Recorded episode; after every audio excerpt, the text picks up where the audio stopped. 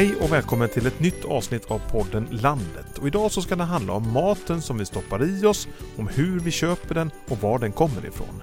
För intresset för så kallad relationsmat växer så det knakar just nu.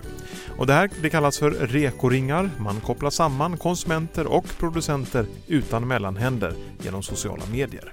Och i Sjuhärad har den första svenska utvärderingen gjorts kring rekoringar. Vi ska strax höra mer om vad man kommer fram till. Ja, jag är utanför Ulricehamn i Höckerum och eh, vi sitter inomhus eh, vid ett runt bord och eh, vi är på en riktig fårfarm här. Jag tänkte vi skulle börja med att ehm, presentera de som är runt eh, bordet här. Först på min vänstra sida. Hej, Mia Magnusson, projektledare Hållbar landsbygd Sjuhärad. Oskar Lorentzon, eh, fårfarmare på Lida fårfarm och eh, jobbar ganska mycket med reko. Och eh, till höger om mig har vi Sonja Katarin Shekhosha. Jag är grönsaksodlare ehm, och säljer mina grönsaker via Rekoringa i Borås och Ulricehamn. och under bordet så har vi också eh, hunden Danne som trippar omkring här på, på golvet ibland och vaktar, eh, vaktar fåren på gården här. Om man skulle höra honom. För någon som aldrig har hört talas om eh, rekoringar, eh, berätta Oskar, hur, hur funkar det? Eh, reko är en företeelse som eh, sker på sociala medier, främst på Facebook. Eh, man skapar en Facebookgrupp där en eller flera administratörer bestämmer en, en plats och en tid när eh, utlämning av varor ska ske. Och sen så samlar man på sig ett gäng producenter och ett gäng konsumenter i den här Facebookgruppen. Och så erbjuder producenterna sina varor direkt till kund via en enkel annons på Facebook. Så det finns alltså ingen fysisk butik då? Nej, precis. Allting sker eh, via nätet på, på olika sätt. Men de flesta via Facebook då. Och Sonja, du som är en av eh, producenterna då, lägger du ut eh, liksom vad du har i den här eh, Facebookgruppen då, Rekoringen? Ja, precis. Vi brukar att lägga en annons en vecka innan och sen skriver vi vad vi har. Vi mm, erbjuder sådana grönsakskassar som är redan färdig. Så vi säger till exempel att hej, denna vecka har vi en grönsakskasse. Den ingår till exempel mellan 6-8 grönsaker och det blir kanske säkert någon morötter, rotfrukter eller tomater. Det är många som letar efter tomater. Men... Och sen eh, skriver vi också om vi har någonting lösvikt. Eh, det kan ni köpa en knippe morötter extra eller en knippe betor extra. Och sen finns bild och en sån presentation åt eh, vad vi gör. Vad är vi? var ligger vi? För det finns alltid möjlighet att få nya kunder som kommer och känner inte oss. Och sen eh, då är det att våra kunder skriver direkt i kommentar. Jag vill ha en grönsakskasse, jag vill ha en stor, jag vill ha en liten. Och då brukar vi bara att um, gilla kommentaren. Så det betyder att beställning är mottaget. Ja, okay. Så funkar det. Och intresset för sådana här rekoringar, det verkar vara större än någonsin. Varför är det så? Ja, jag kan svara. Jag tänker att det är en längtan efter att komma närmare maten, tror jag. Att vi har tappat eh, den här var, var maten kommer ifrån och via Reko så får maten ett ansikte. Den eh, i butiken är den anonym, det är en prislapp på innehållsförteckning men här får man en, en annan relation till maten. Det tror jag. Och det, det kallas väl också relationsmat va? Ja, man brukar kalla reko för relationsmat, precis. Ja, jag, jag säger som eh, Mia. Eh, det, det handlar om eh, respekt för maten eh, och den får du inbyggt i att du lär känna producenten. Eh, och det som har hänt under de här åren vi har hållit på det är ju att många har blivit, dels har producenterna blivit kollegor på ett helt annat sätt när man träffas regelbundet eh, och diskuterar saker på den här parkeringsplatsen. Eh, man lär känna varandra och sen även att konsumenten lär känna producenten och man, man har koll på vem, vem som har eh, producerat maten och då får du en annan respekt. Vad, vad, vad tror du Sonja? Ja, jag funderar lite på att precis eh, det som jag älskar när jag säljer mina grönsaker, det är att träffa kunderna och att prata om eh, ja, recept och mat och allt möjligt med dem. Och eh, när vi gör på marknad, då träffar vi folk så här och så pratar vi. Men med Rekoring, det som är bra är att vi kan också på ett, eh, li, hur ser du det, liten tid, småtid, eller kort tid, kort tid. Ja precis, kort tid, eh, så kan du ändå träffa kunderna, sälja dina grönsaker och så träffa kollegor och så prata om hur är det med dig också för att det är inte så lätt varje gång. Och det är så många som vi får på en sån kort tid. Och det, det älskar jag faktiskt. För att, något socialt också alltså? Ja, precis. För att när du odlar grönsaker eller när du lever eh, på ditt gård, när du bor på ditt gård, ibland är du lite, du känner dig lite själv. Och du tänker, åh det är inte så lätt denna vecka. Och sen träffar du dina kunder som säger, åh det var så gott, mm. den vet du vad jag har gjort, den recept och det var så gott. Och då, då bara lite, du vet, peps som gör att ja, men det gör vi för det. Och sen tittar du på barnen som kan jag få en morot där, du vet. Och det, ja, jag vet varför jag gör det. Så det är en grej som är viktigt att eh, ja, träffa folk så här. Jag tänker också att det finns någon slags trend med Sara Bäckmo som odlar året om och man ser Mandelmans på, på tv. Kan det också bidra till att intresset ökar tror ni? Eh, nej men det är ju så här att intresset för lokal mat ökar ju hela tiden. Eh, jag jobbar även som rådgivare inom småskalig livsmedelsproduktion och eh, inom det företaget jag jobbar så för tio år sedan när det här företaget startade med sin rådgivning så då fick man ju tjata på restauranger och butiker och konsumenter att de skulle handla lokalt. För fem år sedan så skedde det någon form av skifte. Då började efterfrågan bli större än tillgången. Jag tror att det är många som hade en längtan att köpa mer lokalproducerat och så kom Reko i precis, ja, precis, precis rätt tid och det blev väldigt enkelt och många vill köpa mat med kvalitet och lokalproducerat och så kom den här plattformen och det blir ett enkelt sätt att bidra till ett mer hållbart samhälle och bidra till det, mm. till det lokala. Och som du säger, de här Sara Bäckmo och Mandelmans, det är ju en inspiration. Ja. Men många lever inte så. Och kanske inte vill leva så heller, men vill uppmuntra det och bidra till det. Och då är REKO ett väldigt enkelt och bra verktyg för det. Sonja, du sa förut som eh, producent att du får eh, kontakt med kunderna, det är socialt och ni bollar eh, recept och så vidare. Fler fördelar med att sälja genom rekoringar? Och sen jag har ett annat exempel, det var sockerärtor. Det var en bra skörd i 2017. Vi fick 52 kilo på en gång. Oj. Ja. Och jag sa till Oskar precis, kan jag lägga en annons extra och skriver att vi har 52 kilo sockerärtor, vem vill ha, vem vill frysa in?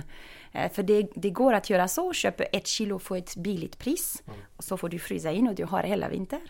Och då plötsligt två timmar sen, då är det såld 50 kilo sockerärtor. Så den är också underbart. Mm. Det verkar ju vara väldigt bra för eh, businessen, för affären också det här. Ja, det är så. Det är bra för kunder, det är bra för producenter, det är bra för alla tycker jag. Det är, det är bara positivt.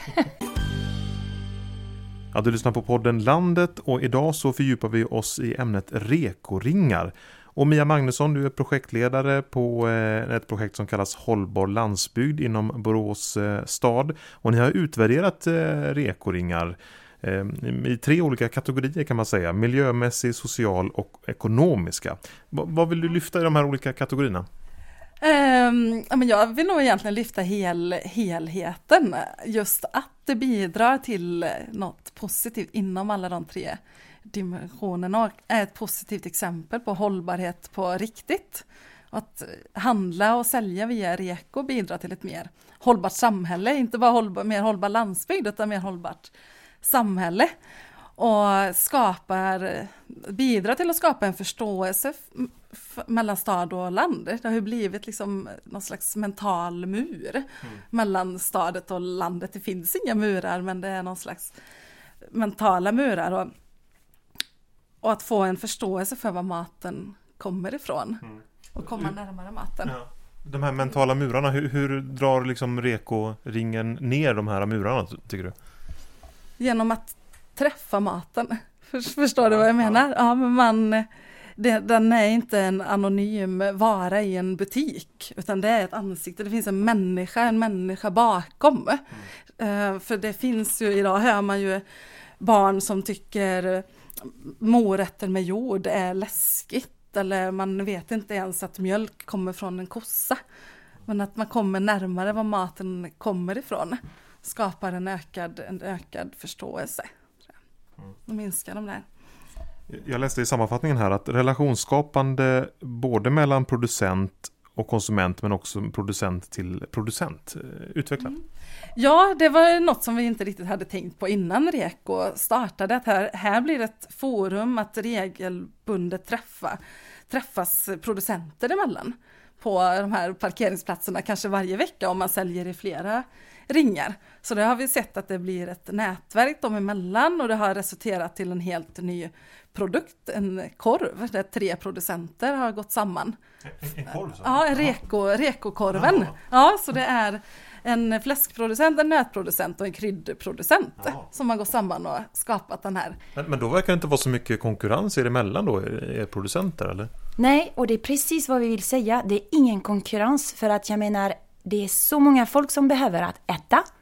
Mm. här i området vi skulle vara, jag vet inte, 15 grönsaksodlare om vi skulle kunna erbjuda så många grönsaker till alla som bor här. Mm. Så att det är ingen konkurrens, det är bara eh, samarbeta och eh, hjälpa oss varandra och när vi träffar var, varje vecka då är det bara som sagt Ja, ah, vi pratar, har du fått den? Ja, ah, vet du, jag har fått den. Vad skulle vi kunna göra? Har du tillräckligt vatten? Eller, det är bara sådana mm. Nej, det är bara positivt. Mm. Ja.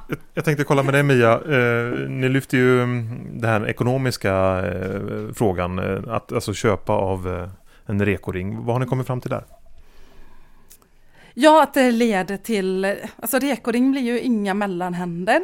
Så det blir ju eh, större vinst för producenterna. Det har också lett till ökade investeringar som till exempel en producent som har köpt in en traktor, en annan producent som har köpt in ett tunnelväxthus för tomater som vågar investera och vi har även sett producenter som har startat tack vare Rekoring. Mm. Så det bidrar verkligen till den lokala ekonomin, att pengarna stannar nära helt mm. enkelt. Ja, det var ju någon som sa att man drar in en hel dagskassa på en timme. Oj, ja. jösses. Mm. Ja. Varför har vi inte gjort så här tidigare? Ja, bra fråga. det, men det, det, är ju något som är positivt med den digitala utvecklingen. Liksom. Det är ja, sånt som, ja, som kan skapa sådana här mm. på ett väldigt enkelt sätt, ja. sådana forum. Liksom. Mm. Jag har en liten fördom här som jag tänkte lyfta runt vårt runda bord. Ehm, jag tänker så här, ja, men ekologisk och närproducerad mat, ja, men det måste ju vara jättedyrt. Reaktion på det? Nej. För jag har några kunder som kommer på eh, torghandel ibland och säger Bönor, 90 kronor kilot. Nej, det är inte möjligt. På ICA de kostar 20 eller 200 kronor kilo. Jaha. Så de säger, hur är det möjligt? Ekologiskt och kraft så billigt? Ja, men vi har skördat 50 kilo idag. Så får ni en väldigt bra pris. Mm. Så är det. Så det, det, är inte... Vi är ekologisk och krav. Vi är kanske dyrare för några grejer som tar tid att odla. Som tomater och investering och sådana grejer. Men ibland är det grönsaker, det finns några grönsaker som är billigare eller samma pris i affären. Så att eh, det betyder inte dyrare. Sen är det ju också eh, en sån här eh, sak som man kan ta med i aspekten för att allting på Reko är ju inte ekologiskt.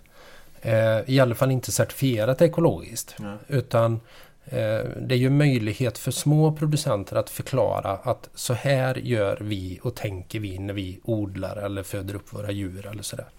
Eh, och det ger en, en arena för dem att sälja sina produkter och förklara hur man har sin uppfödning eller sin produktion. Eh, och så får kunden ställa upp, känna efter. Tycker jag att det här låter okej, okay, då vill jag handla utav den här producenten. Så man får en mycket öppnare dialog för de mindre producenterna som, har, eh, som inte har möjlighet att certifiera sig eh, utifrån ett kostnadsperspektiv eller administrativt perspektiv.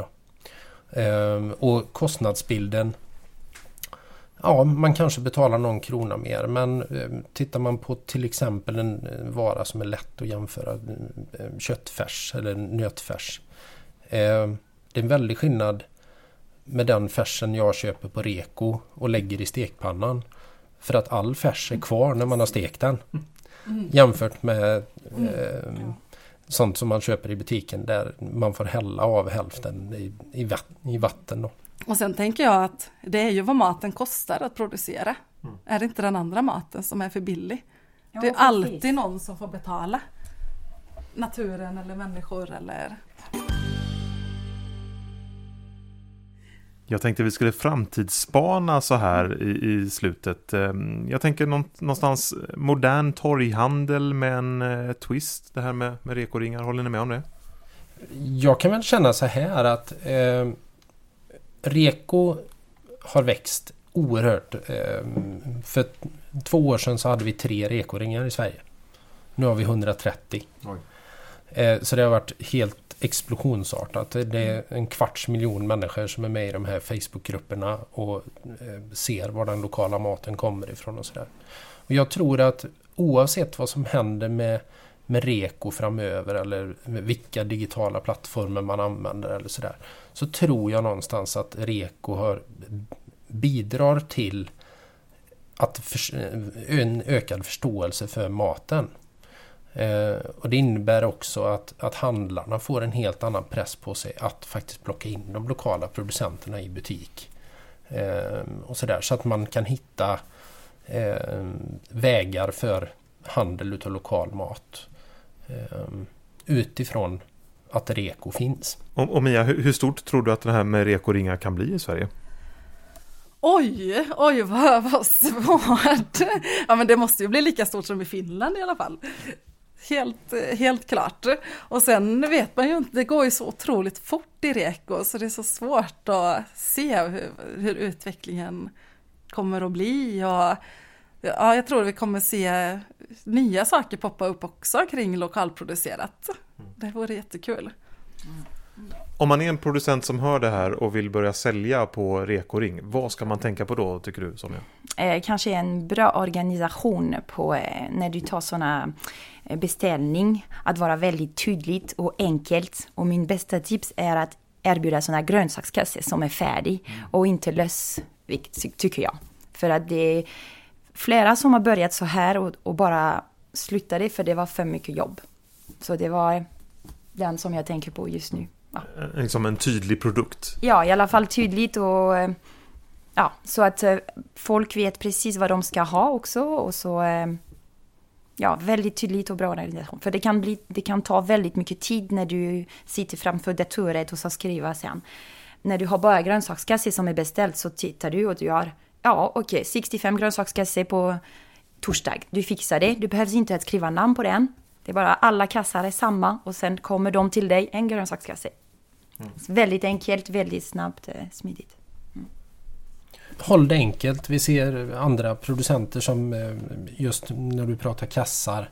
Eh, bagerier som erbjuder en brödkasse med två eller tre Precis. bröd. Mejeri, mejeri som har en en eh, samling med produkter med, med, mjölk och yoghurt och kanske en ostkaka eller något sånt där. Att man, att man gör paketerbjudanden ja. och sådär.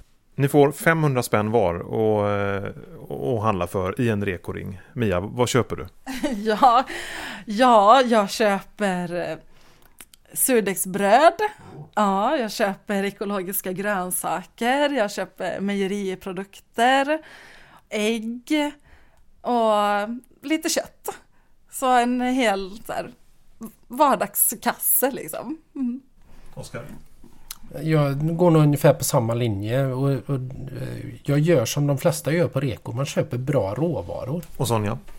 Jag tror jag köper på 500 kronor kardemummabullar. som, jag, som jag frysar in för jag vet att de kommer bara att vara på en vecka sen när det är rabarbersäsongen till exempel. Eller, och sen, eh, nej men jag menar att eh, ja, jag, jag köper ägg och eh, yoghurt och mjölk och ingen grönsaker i alla fall. det behövs Det har inte. du själv kanske? Ja. men, men ja, sådana såna grejer. Och sen det kan hända också att jag köper när vi, har, för vi kan bli olika grönsaksodlare och sen det finns några som har någon sort av tomater som vi har inte eller någon som, frukt som vi har inte. Då kan jag också köpa från de andra sådana grejer faktiskt. Mm. Min favoritgrönsak är fänkål, odlar ni det? Ja, Oh. Och det är väldigt svårt faktiskt i odling fem. Mm. vi har inte så mycket men det älskar vi också.